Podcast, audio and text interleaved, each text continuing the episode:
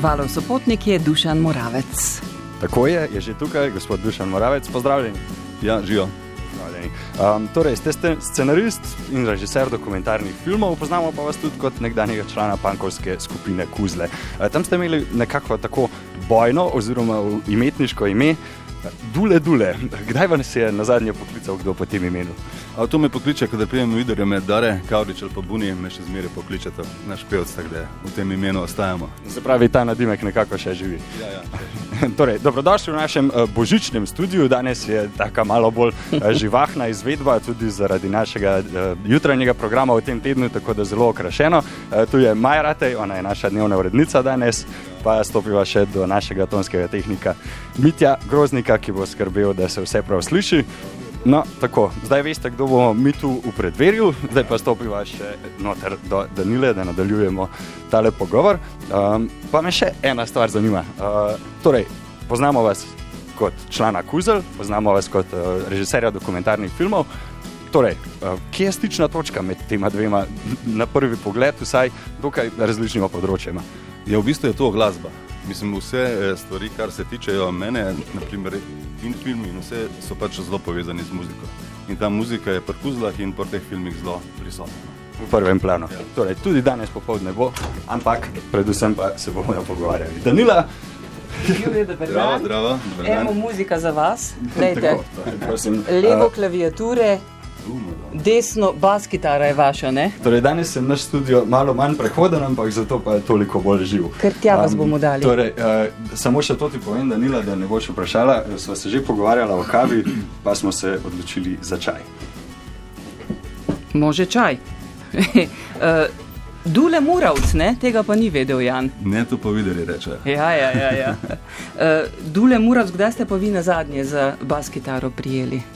O, to je pa po moje v prejšnjem tisočletju bilo. Kaj res? Ja, ja. Vas nič ne mika? Ne, nekak, čisto zase. Nekje zelo ne, mislim, mal bi že imel kitaro doma, bas kitaro, ampak v bistvu prav zelo me pa ne mika več bas kitara, se mi zdi. A ja, je nimate doma? Ne, imam en ukulele, imam pa eno električno kitaro, bas kitare pa ne. Kakšna pa je tale desno od vas, tako oddaleč? Tako oddaleč je kar dobro zavijati. Res? Ja.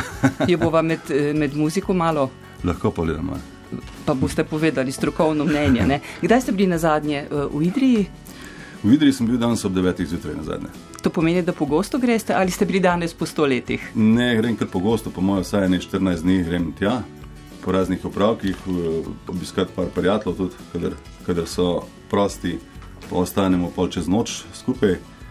Drugač pa ja, sem kar povezan z Idrijo še skozi. A tam negujete svoje narečje, najbrž ga niste pozabili, ker se ga da kar pozabiti, ne? Ja, v bistvu tam govorimo po idrsko, ne. Se v bistvu jaz kar govorim po idrsko, kot se le da, Aha. ampak sem se navadil, da je v bistvu tukaj v Ljubljana, pa kje druge, če preveč po idrsko govorim, moram pol vse, vse še enkrat ponoviti.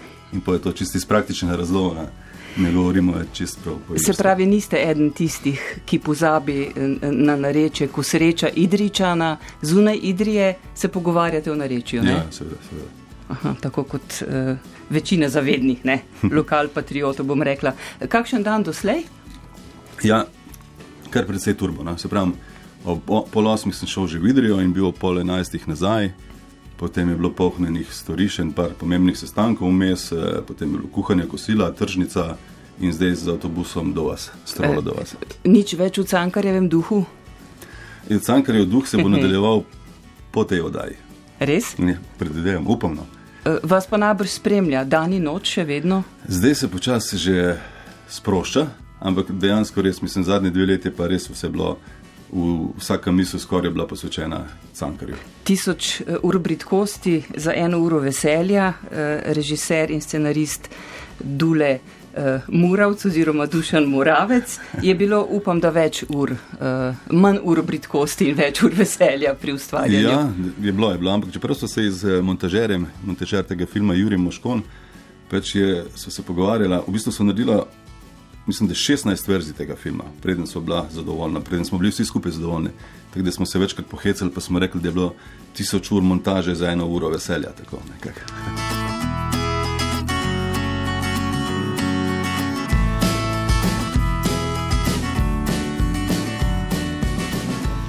Dušan Moravec, scenarist, režiser dokumentarnih filmov. Um, z glasbeno tematiko, tudi socialno. Um, je pri dokumentarcih sta dve stvari, se jaz predstavljam. Ena je, da moraš objektivno prenesti okoliščine, ampak seveda jih subjektivno uh, dojemaš. Uh mhm. -huh. Tukaj že zna biti keč, moraš imeti stališče. Torej. Ja, prav to. V bistvu jaz vseh filmov, ki sem jih naredil zdaj so se začeli na ta način, da me je ena stvar tako močno pritegnila, da je pač bilo enostavno treba narediti ta film, kakršen koli je že bil. In, ampak na nek način eh, mislim, da je zmerjen na en dost objektiven način pristopam. Ne, ne pristopam k tem stvarem, ki jih delam kot fan. V bistvu, uh mhm. -huh. Kot fan sem naredil samo en film, to je od Damirja Avdiča. Eh, pravi človek za kapitalizem, ker sem bil res, ko me je prvič slišal njegovo muziko, me je okolo obrnilo in potem sem hodil na njegove koncerte. In, Ampak sem tudi njega zelo pazil, da smo naredili film o, o njegovih, njegovih, eh, njegovih glasbi, njegovem delu, ne pa o njem. To je pač, se mi zdi, večina stvari je pač treba delati o stvarih, ki jih ljudje počnejo, ne toliko o ljudeh sami govoriti. No. Gre pravzaprav za uh, podoben princip kot pisanje biografij, ne? ki so zdaj v Sloveniji zelo modne, ne? tudi se vestke. Ja, uh, ja. Neko stališče imaš do tega človeka, sigurno. ki ga predstavljaš? Sigurno, sigurno je to zelo, uh, zelo pomembna stvar. In, uh, pa, jaz sem v zadnjem času kar precej teh uh, filmov naredil, kjer, kjer portretiram ljudi. In, uh -huh. uh, moram reči, da sem v tem trenutku zasičen, ni prava beseda, ampak enostavno nimam več prave moči delati kišne portrete, ker je kljub vsemu te na nek način te izčrpato pač njihove stvari nekako posredovati naprej in biti res, kot smo že prej rekli, objektiven, pa še zmeraj subjektiven. In uh, tako da zdaj v bistvu si nekako niti ne želim več vsaj nekaj časa delati takih biografij ne, o, o ljudeh. Bel bi rad delal filme ne več o nekom, ampak o nečem. To me bolj zdaj zanima. Je pa zagotovo, ne, ko delaš z ljudmi o ljudeh, ne, uh, zelo pomemben ta pristop. Ne kako stkati s človekom, da se sploh odpre, da je kar se da naraven, to vendarle ni igrani film z igravci. Ja, ja. Uh, imate kakšne posebne finte, glede na to, da ste bili vzgojitelj, mora biti potrpežljivost tudi? Mo, v bistvu ne vem, če imam kakšne posebne finte ali pa je ta, ki še ima poseben pristop. Mogoče je že v tem, ker me ta stvar, s katero je ta človek tako delal, nekako tako prevzame, da sem očitno tako prepričljiv, da mi pač vsak nekako eh, zaupa, ko stopim do njega in delamo te filme. Ne. Je pa res, da se pač te, te eh, odgovornosti tudi začenjamo vse bolj eh, zavedati. Ne. Mislim, ko se ti nekdo zaupa, pa ti začne eh, pripovedati svojo zgodbo, v bistvu, mislim, lahko se zgodi, da narediš o nekom slab film in mu pokvariš nekakšno kariero. Mislim, Slovenija je le tako majhna, da mm -hmm. pač, ko narediš o nekom film in deset let, sigurno ne bo noben še delal o njemu film. In, eh, jaz mislim, da na srečo še nisem naredil na ta način slabega filma, da bi komu ne naredil pač, eh, nekaj takega, kar mu pritiče. Ampak, tudi, ampak zavedati se te odgovornosti, tudi za to, ali je dobro ali ni dobro, pravzaprav ni dobro, ker večina stvari pač moraš skočiti noter in, ampak nekako se zavedati, kaj delaš. Uh, koliko jih pripustite k filmu, uh, do katere mere so lahko z vami ljudje na začetku, ko imajo svoje želje, najbrž jih upoštevate, potem pa stop? Ma, spet je zelo različno. Spet je različno od človeka do človeka. Eni pač hočejo biti zraven, ampak načeloma uh, je zelo tako, da pač uh, sam delamo vse do konca, ne? pač sodelavci delamo. Da ni, ni tisti, ki je upleten, nima pravzaprav toliko besede, kaj hočemo narediti. Ne? Ker to se mi zdi, eh, je pa že drug tip filma. Mislim, potem je ta naš glavni junak, recimo, je že scenarist filma. Uh -huh. To pa mhm. pač niti ni bil namen, največkrat ne. No. Kakšne slabe izkušnje z odzivi, mora biti teh posredno in neposredno upletenih? Ne, zaenkrat ne tožil vas ni nihče še. Vedel, se pa dogaja to najbrž, ne? To dogaja je zelo pomen, da, tenka ja. meja, ne? Ja, ja, ja, verjetno, ja, mislim, da greš čez uh, mejo hitro, amp, ampak ne, zaenkrat še ni bilo tega. No, uh, kdo je ta režiser, ki je Trump rekel, da ga bo tožil in vse kinematografe? Baxter? Mogoče, ne vem. Ja, ki je na škotskem snemal film o Trumpu, You have been trumped. -hmm. uh, okoljevarstvena tematika. Skratka, gospod Trump, ko še ni bil predsednik, ampak kandidat je zgradil tam golf igrišče, kljub nasprotovanjem vseh in zdaj seveda jih jih bo tožil, tako kot vse. Aha, Ja, ja. Uh, imate srečo, da, uh, Da nimamo nimate Trumpa. Trumpa za Imamo predsednika. pa druge zanimive predsednike. Imamo pa druge predsednike. A kakšnega politika bi kdaj? Ma, zaenkrat me noben še ni to uh, zares zanimal. da bi ga prosil. Ja, mislim, pravzaprav ne vem, ne vem če je kakšen tak. Saj trenutno ne. Čeprav nikakor ne morem. To bi rad mogoče rad rekel, ker se zelo govori, da so vsi politiki enaki, ampak niso. Mislim, zelo se jih posplošuje ne, in sigurno so tudi ljudje noter med politiki, ki, ki resno dobro delajo stvari. Ampak preveč je takih, ki zdaj izpadajo, pa niso zares politiki, ampak so nekako samo, samo všečni, ne vem kaj že, eh, politiki recimo. Tako na to. Ampak zaenkrat me ne eni, ne drugi niso. Mislim, da vi že veste, ker ste bili kot uh, mladenič ne, v politiki, ampak to terja posebno poglavje na valu 202. Samo to mi še povejte, najstarejši um, pričevalec v ohranjenih spominih, to je projekt, ki ga delate z Idričani, uh -huh. uh, da ohranite pravzaprav spomini, ki, spomine, ki odhajajo. Ne? Ja. To je pa en projekt, ki ga delava z Matjažem Brakom, mojim stalnim sodelavcem, direktorom fotografije in producentom. Pač nekako smo mi dva prišli do tega, da zelo rado poslušava zgodbe, zgodbe take in drugačne. In eh, Idrija ima polno enih zgodb zanimivih. In predvsem eh, starejši ljudje imajo zgodbe, ki jih pač pozabljamo. In so iz, izhajale iz tega, da naredijo en tak audiovizualno knjigo, jo približno imenujejo Spominov na Idrijo.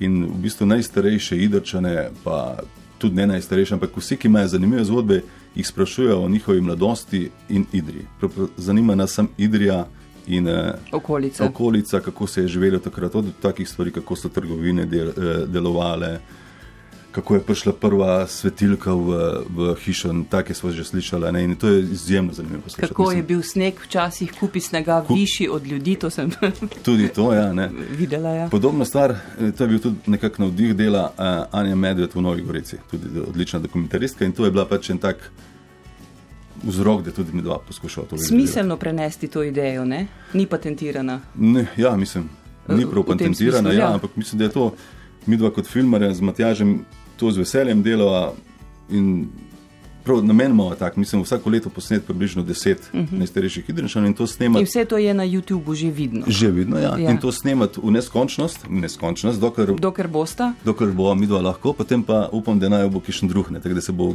ne vem, v naslednjih desetih, dvajsetih letih nabralo teh pričevanj o Idriji zares velik in, in se jih bo dalo prisluhniti. da se spomini ne zgubijo. Imate to dobro shranjeno, da se res ne izgubijo. Še? Ja, to pa Matjaš zelo skrbi. On, jaz tehnično ne obladam, jaz ne znam ne snemati, ne, ne spravljati stvari, ampak on mi je pa povedal, da pač ima to na nekih posebnih diskih, ki jih uporabljajo samo banke, pa to, tako da je res to zavarovano na več načinov.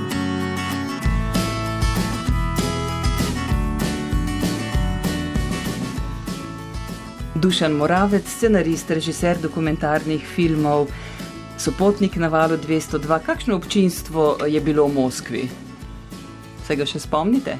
V Moskvi je bilo, to je že kar precej let nazaj, to je bilo kar eh, pisano občinstvo. To je bil en festival Amnesty International za človekove pravice ne? in tam je bil film pri- prikazan izkušnje razlike. Nabršnik in vi, ne? Ja, zato, takrat smo sodelovali prvič z Marko Nabršnikom, jaz sem naredil scenarij, on je zrežiral, to je pa ena zgodba, taka spet ena lepa, majhna zgodba na nek način o enem posebnem programu, ki so ga izvajali v eh, Zavodu za invalidno mladino v Kamniku. Tam ste vi bili nekaj časa Tam sem tudi. tudi nekaj časa delal ja? uh -huh. in zato sem pač mogoče malo globje prišel do vsega tega in je rad to tak lep film. A je občinstvo, težko reči, primerljivo uh, s kitajskim, mora biti tudi v, v Koreji ste bili na festivalih, Ja, ja. ne? Eh, sicer z drugim filmom, s harmonikarji. Uh. -huh. um, kako so doživljali ti ljudje film harmonikarji, kjer je na vse zadnji inštrument, ki ni vsem domač? Ne? Harmonikari v Severni Koreji so bili kar zelo zanimivi. Ne? Res? Ja, to, pravi, to je pa tudi spet, kot 12 let nazaj. Smo bili v Pjongjangu takrat na filmskem festivalu. E, jaz sem malo pohecam včasih, pa rečem, da smo prav harmonikari pa film utrli pod Lajboham. Ali ste bili pred njimi? Ja, ja deset let prej smo že to, vse Aha. to obdelali. Ampak v bistvu eh, harmonika je pravzaprav tudi na nek način korejski narodni inštrument. tam imajo ogromno teh partizanskih pesmi, ki so isti napevi Aha. kot naše. Tako da je potem, da so dvorana, ko se je začel film, je bila kar polna, ampak z uvodnimi kadri, ker Bratko Bibič začne svoj način igranja harmonike, jih je kar, mislim, da je kar precej pretreslo, tako da jih je kar en par šlo ven, ne? ampak eh, večina jih je zdržala. No? Tako je bilo pa. Vsaj takrat je bil res očitno nekaj harmonika, čist drugače predstavljena za njih. No. Kakšen je pa odziv, predvsem mlade publike, me zanima. Uh, film, ki ste ga že omenili, pravi človek za kapitalizem, uh mhm. -huh. Damir Audič, um, bosanski glasbenik, pesnik, slovenec uh mhm. -huh. zdaj, ki ima tako močna stališča, da razumem, da nagovori starejše. Kako pa mlade? Vem, da ste gostovali pri. Uh, ja, mislim, pri... s tem filmom smo kar precej uh, potovali, predvsem po tej jugoslovanski regiji, bi rekel. Uh -huh.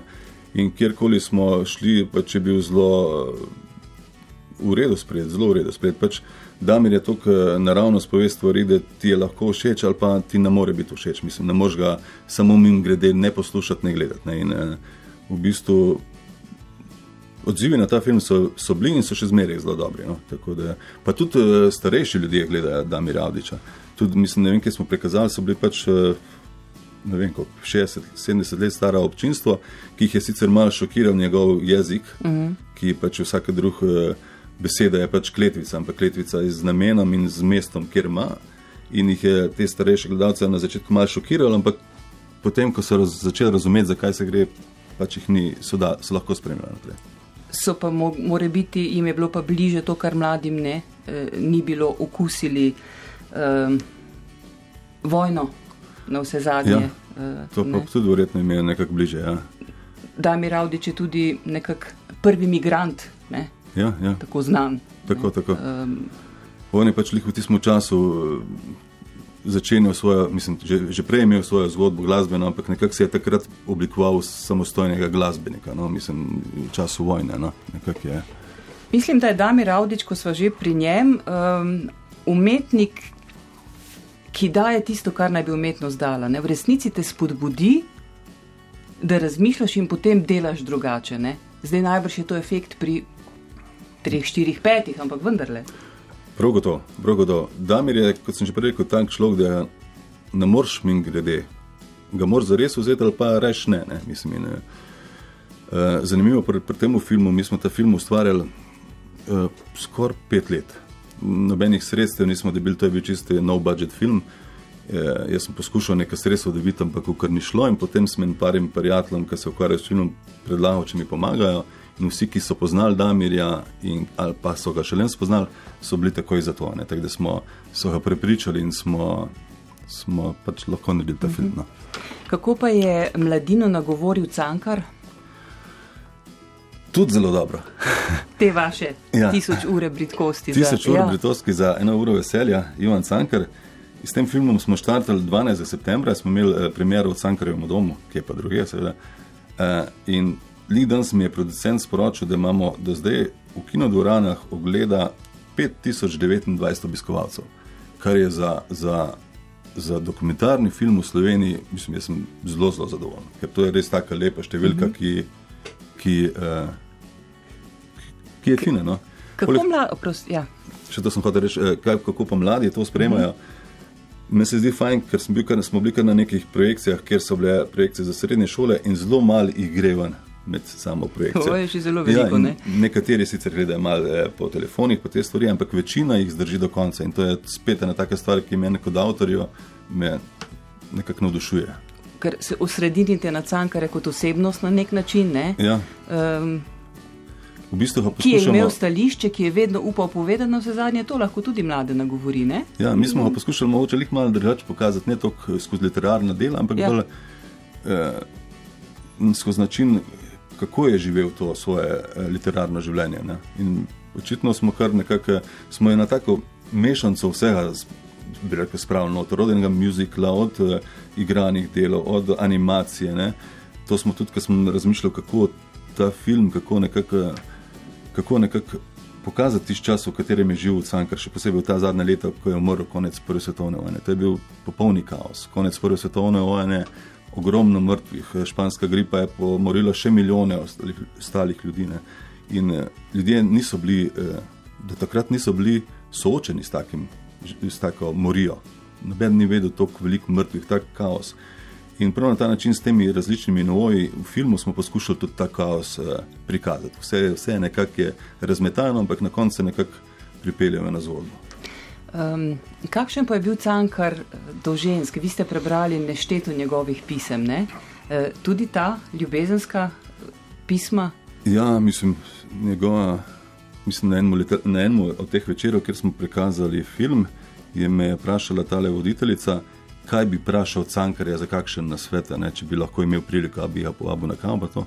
Sem rekel, da bi ga vprašal za nasvet, kako napisati odlično ljubezensko pismo.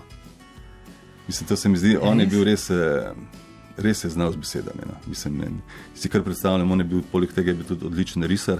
Uh mhm. -huh. In če je kišni gospe učiteljci, to rešici učiteljci, napisal vers 2, pa kaj narisal, pa je to dal, so bile vse eh, presrečne. Ne. A je znal, kako se reče, dvoriti? Mislim, da je bil uh, izjemen. Ja? Izjemen, uh -huh. kot smo pač spoznali, je bil izjemno šarmant človek. In, eh, ki, mislim, in tudi predvsej eh, delal na tem polju ljubezni, bi rekel. Eh, tudi, ne tako zelo uspešno. Ma, mislim, Kot, da je bil kar ja, zelo, bil? zelo. Ja, ja, ja. Tukaj se pojavlja nekaj čudno, kar sem že sledil, da ni bil pač kot uspešen. Recimo, no, kaj ja. to pomeni uspešen ljubimec? Ampak bil je zelo zaželen v ženski družbi in tudi eh, mislim, da so bile ženske tudi kar zelo zadovoljne z njim. Vsaj iz teh pisem in iz teh stvari, kar sem zvedel o njem, je bil kar. Uh, Juri Sovček uh, nagovarja nas ne, skozi to uh mhm. -huh. povest uh, Kurent. A se on za nosom uh, lotil snemanja? Juri Sovček je pa spet ene vrste fenomen. Mislim, gospod od... je že blizu 90, to je treba povedati. Gospod bo imel aprila naslednje leto 90, uh, je pa mladosten in pri sebi, kot, smo, kot so nekateri moje, mojih let, ne, bi rekel. Jurija sem nekako hotel imeti v filmu odkar se že s filmom ukvarjam, ker mi je pač nekako njegov glas, njegov način interpretacije, vse mi je zmeraj bil nekaj posebnega. Ne? In to je bila izjemna prilika, da ga uporabimo v filmu. Ne? In se spominjam, ko smo na snemanju, ko smo snemali te dele z Jurjem Sočkom, smo na nekaterih eh, partih, smo pač cela ekipa je kar obnemela in smo, potem smo mu spontano zaploskali. Ker je to tiste energije, ki je on dan noter, na način, ki jo interpretira, je bil res fascinanten. Tisoč ur britkosti za eno uro veselja, dušen moravec.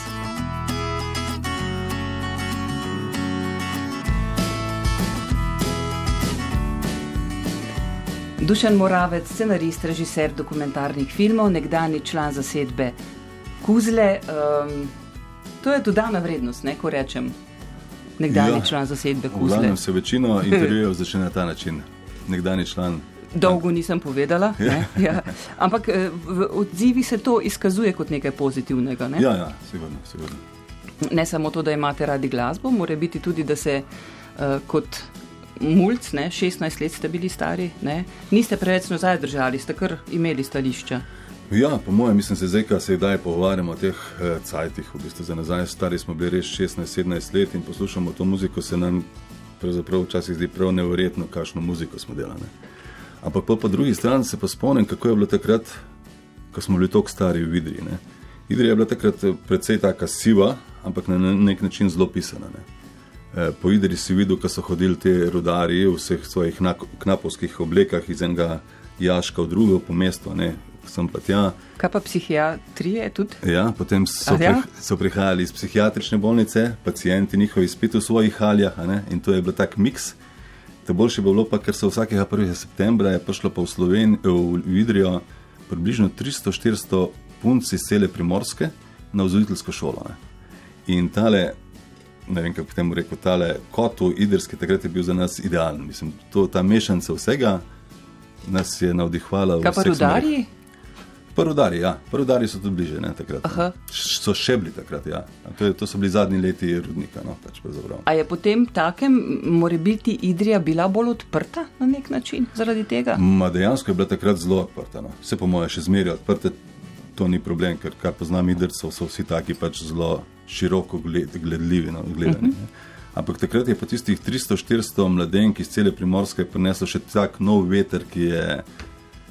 In to v bistvu tudi kuzle smo v bistvu delali, predvsem take ljubezenske komade. Mislim, v bistvu smo bili mi tako ljubezenski bend, ampak skozi to ljubezenske pesmi smo pač pokazali vse tisto, kar nam je šlo še na živce. In eh, med eh, ostalimi stvarmi, kaj, kar ni bilo pravno, pač je bila. Med te vzgojiteljice ste potem, zato ker eh, niso bili z vami zadovoljni v gimnaziji, ne, presedlali sami ali ni bilo Ne, tako? Sem sem- preveč grobo povedala. Ne, v bistvu so mene takrat eh, prisilno preselili. No, pač je, po drugem letniku gimnazije pač je bila polno nekih neupravičenih eh, popravnih izpitov, je bilo in pač sem mi dal možnost, da me izpišejo iz te šole ali pa se pripišem na vzgojiteljsko šolo. Pa to je bila- nagrada na nek No, način. mislim, takrat je bila, jaz sem se rekel, kar tako ja. Ko sem prišel domov, staršem povedal, da se bolj za glavo držal, ampak jaz sem bil takrat eh, potem pol presrečen. Pa sem dobil še potem dva odlična sošolca, tako da smo bili v razredu, nas je bilo 27 deklet, pa tri fanti. Ampak kaj to pomeni, da je šel slabši kader tja? Ja, očitno, mislim, kar je. Mislim. Kar, tako da, je- no, prav v tem našem razredu smo bili trije, ki, ki vsi počnemo precej zanimive stvari. Eden je Istok Bončina, ki je izjemen fotograf, eh, turistični potnik, eh, vodič po celem svetu. Sopotnik je že bil na valu. bil tudi, aha, potem pa še Boris Balant, ki je pa tudi izjemen eh, dizajner. No, mislim, da je delal marsikaj res pomembnih stvari. Je naredil, mislim, od prvih znakov za mobitel, se mi zdi še pred leti, eh, popolno takih zelo.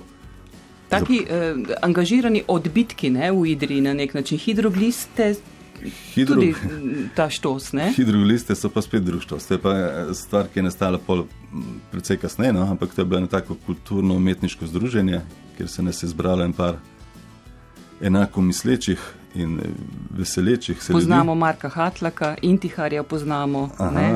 Koga še poznamo? Kosmača? Kosmača, ja.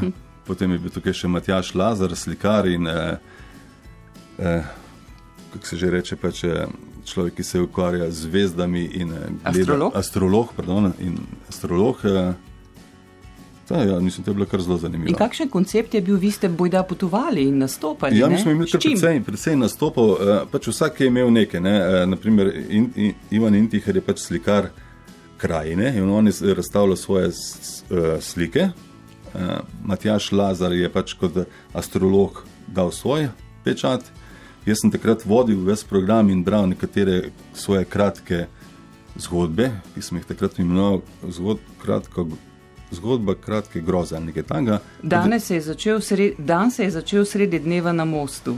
Ribe vesele in debele, polne goste rdeče tekočine iz bližnje klavnice, so v netu skakale za koščki pomaranč, ki so padali iz rok kot pesek peščene ure. To je to. Super. In drugo nagrado ste dobili, ne? Za to, to je isto. Verjetno, jaz ne. Pa ste se spomnili, da, je to, eh, da ste to vi Ja, napisali? to sem se spomnil. Ja.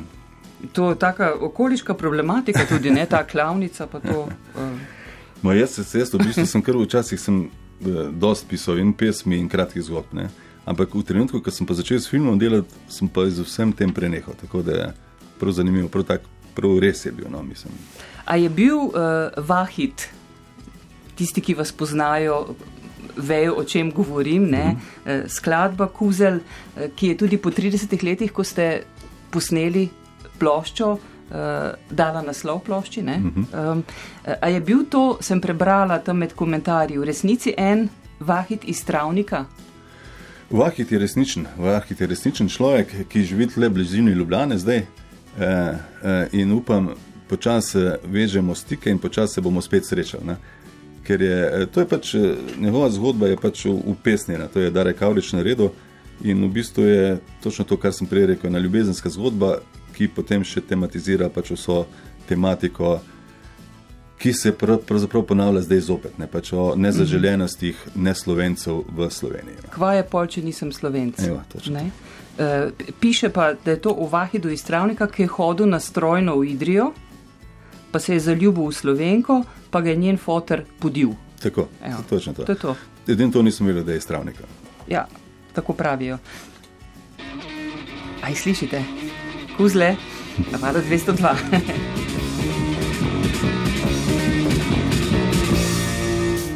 Dule, dule, kuzle na valu 202, Dušan Moravec, nekdani član, zato ker je tudi bend nekdani ne, in vas ne bom vprašala, ali boste še kdaj skupaj. Uh, me pa zanima, m, v Ormužu so bile, Gnile duše. ja, uh, tudi dobri, ne? Ja, odlični. Uh, in tudi tam je psihiatrija, to veste, v Ormužu. Ja, Je verjetno, verjetno ima to malo vse skupaj. Ja, ja. Uh, zdaj je ura 17 in 13 minut. Uh, kratke asociacije, jaz bom rekla Srb, uh Mhm. -huh. in vi se spomnite na.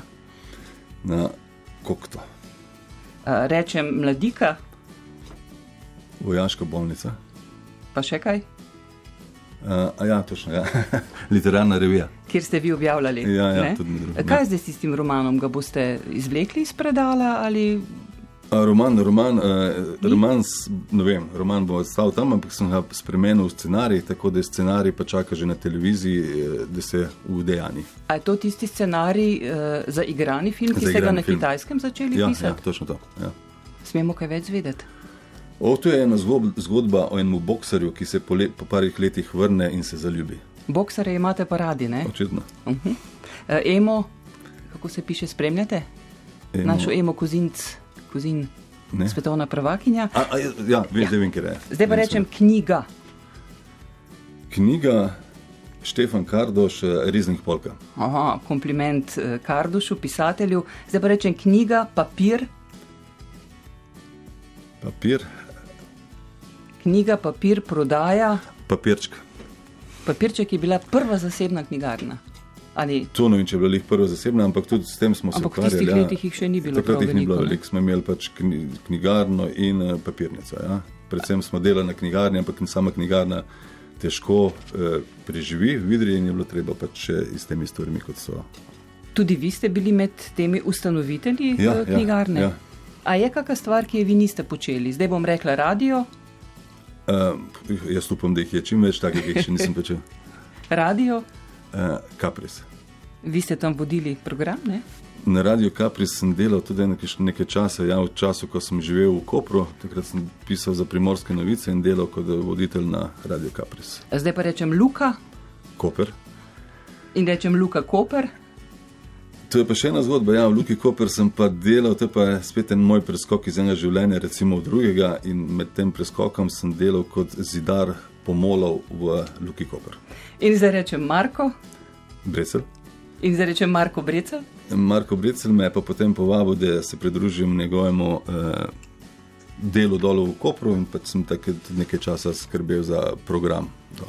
eh, Kamnik, Kamnik je spomin na zelo dobre prijatelje in sodelavce v Zavodu za usposabljanje invalidne mladine Kamnik. kako ste pa tja prišli kot vzgojitelj ali kot Ja, kot Zidar? vzgojitelj. Kot. Kot- Ja, ja. Pač takrat sem se iz Kopra selil in je pač se ponudila lih ta možnost in nekako je prišlo do tega, da sem tam delal. kremšnita, Kremšnita vrhnika. kje so najboljše kremšnite, kje veljajo najboljše kremšnite v Sloveniji? Bled? Bled, zdaj pa rečem kremšnita, bled, terasa. A, ok, Miha Kralj. Zakaj Miha, Miha Kralj? Kralj je pa seveda film Električne sanje, ki se ga bomo lahko tudi v bistvu ogledali konc tega meseca na TV Slovenija, mislim, da je 30.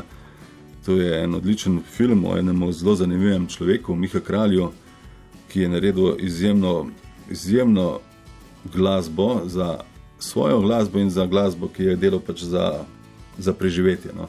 E, tukaj bi še rekel pri tem filmu, da je ta Električne sanje, to je film, pri katerem pa ima glavno vlogo prav gotovo Gregor Bauman, eh, novinar, ki je pač to je bila njegova ideja in pač on je ta film vložil vse, vse svoje občutja, ki jih ima. No.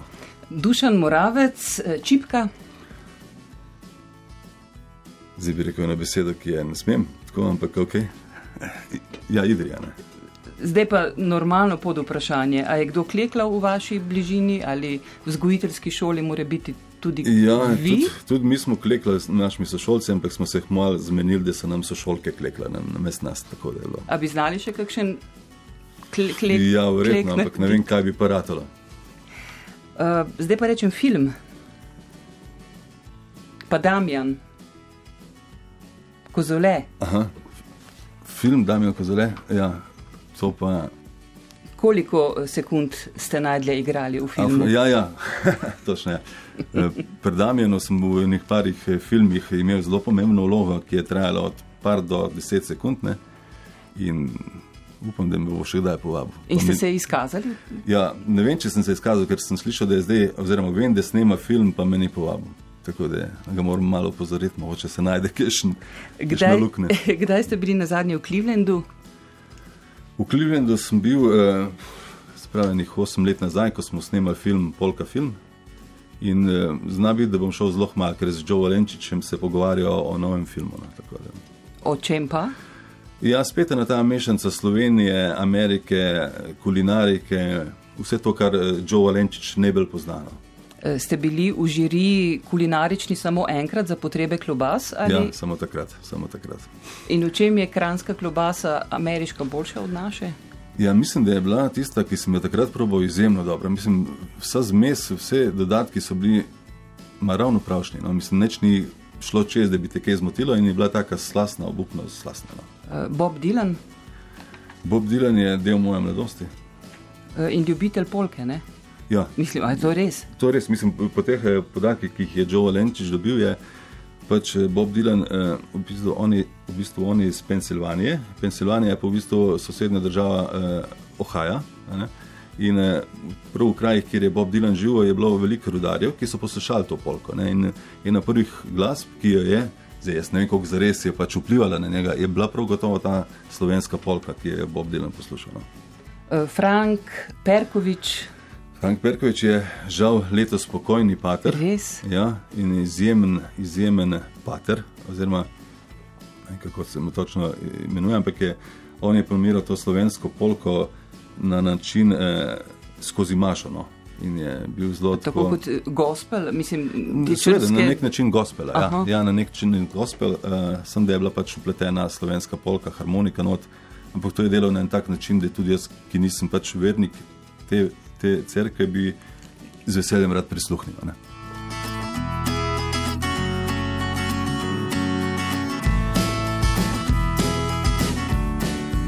Dušan Moravec, scenarist, režiser dokumentarnih filmov. Ste bili pripravljeni na to, kar vas je čakalo v Beslanu, v Seti? Ma, deloma. Mislim, vedel sem, kaj me čaka, ampak ko si enkrat na samem prizorišču, pa prav gotovo ne moreš pričakovati takih stvari. Mislim, če, čeprav nisem človek, ki verjame v kakšne energije posebne, sem tam na tistem prizorišču uh, čutil nekaj. No. Mislim, nekaj zelo ne vem, če se reče te besede neprijetno, ampak ne vem. Ob kateri obletnici ste šli snemati? To film? mislim, da je bila tretja, četrta obletnica po tem pokolu, ki se je zgodil uh -huh. uh, v Beslanu. In je bilo, mislim, zelo, zelo sveže. Še, no. Uh, Boje so tam ruševine ohranjene v nekem smislu ja. te šole, kjer je bilo to nizkodno dejanje? Takrat so bile ohranjene in najbolj, kar je mene, se, se spomnim, takrat šokiralo in me še zmeraj, ko pomislim, so uh, polne steklenice vode, ki jih ljudje prinašajo, na mesto rož. Ker takrat pač te uh, ugrabitelji in te teroristi, ki so izvajali to, ta pokol, pač niso otrokom in vsem tam dovolili niti na stranišča, niti vode piti, in uh, so pač je bilo huda potreba po vodi. No? In pač na ta način na mesto rož se zdaj nosi flaše vode. Tam so za tiste, ki se ne spomnijo, otroci, starši, učitelji postali talci ja. uh, teroristov in umrlo je več kot 300 ja, uh, ja. ljudi. Zdaj življenje se normalizira, karkoli to že pomeni. Ne? Če doživiš kaj takega, ti zareže do konca. Ne? Ste vi spoznali kakšnega od teh otrok? Ja, ja smo jih kar nekako eh, spoznali. V bistvu šli smo gor z namenom pač delati, prikazati delo kaj lahko nekdo pač pomaga v takih situacijah. In to je bila Anica Kos, Kos Mikuš, izjemna gospa, ki dela pomembne mm -hmm. stvari.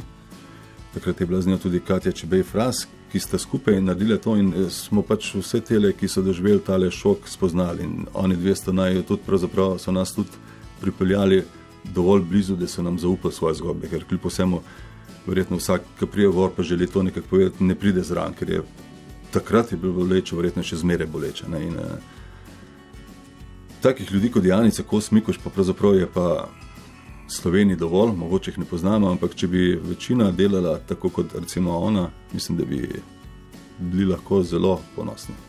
A sodelujete pri pripravi filma o krvnem maščevanju v Albaniji ali je bilo to samo?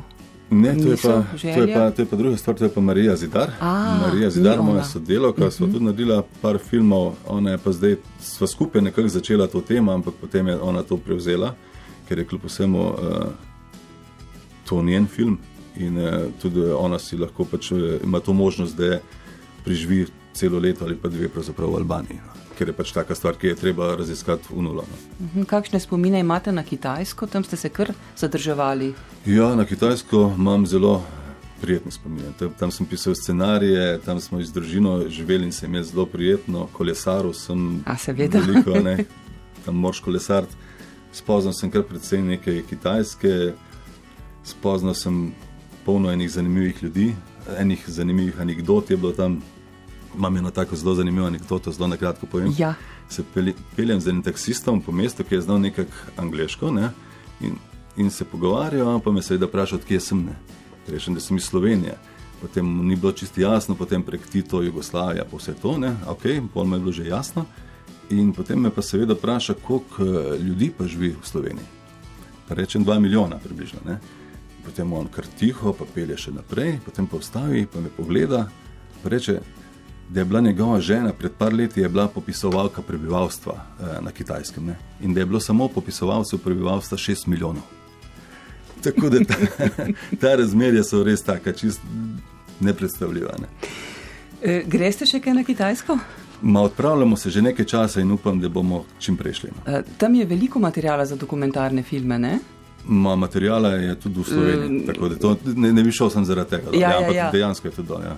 Um, kaj, vas, kaj nas čaka izpod vaše režijske taktirke? Uh, trenutno je prva stvar, ki jo začenjam takoj po novem letu delati, je film o strasti do letenja.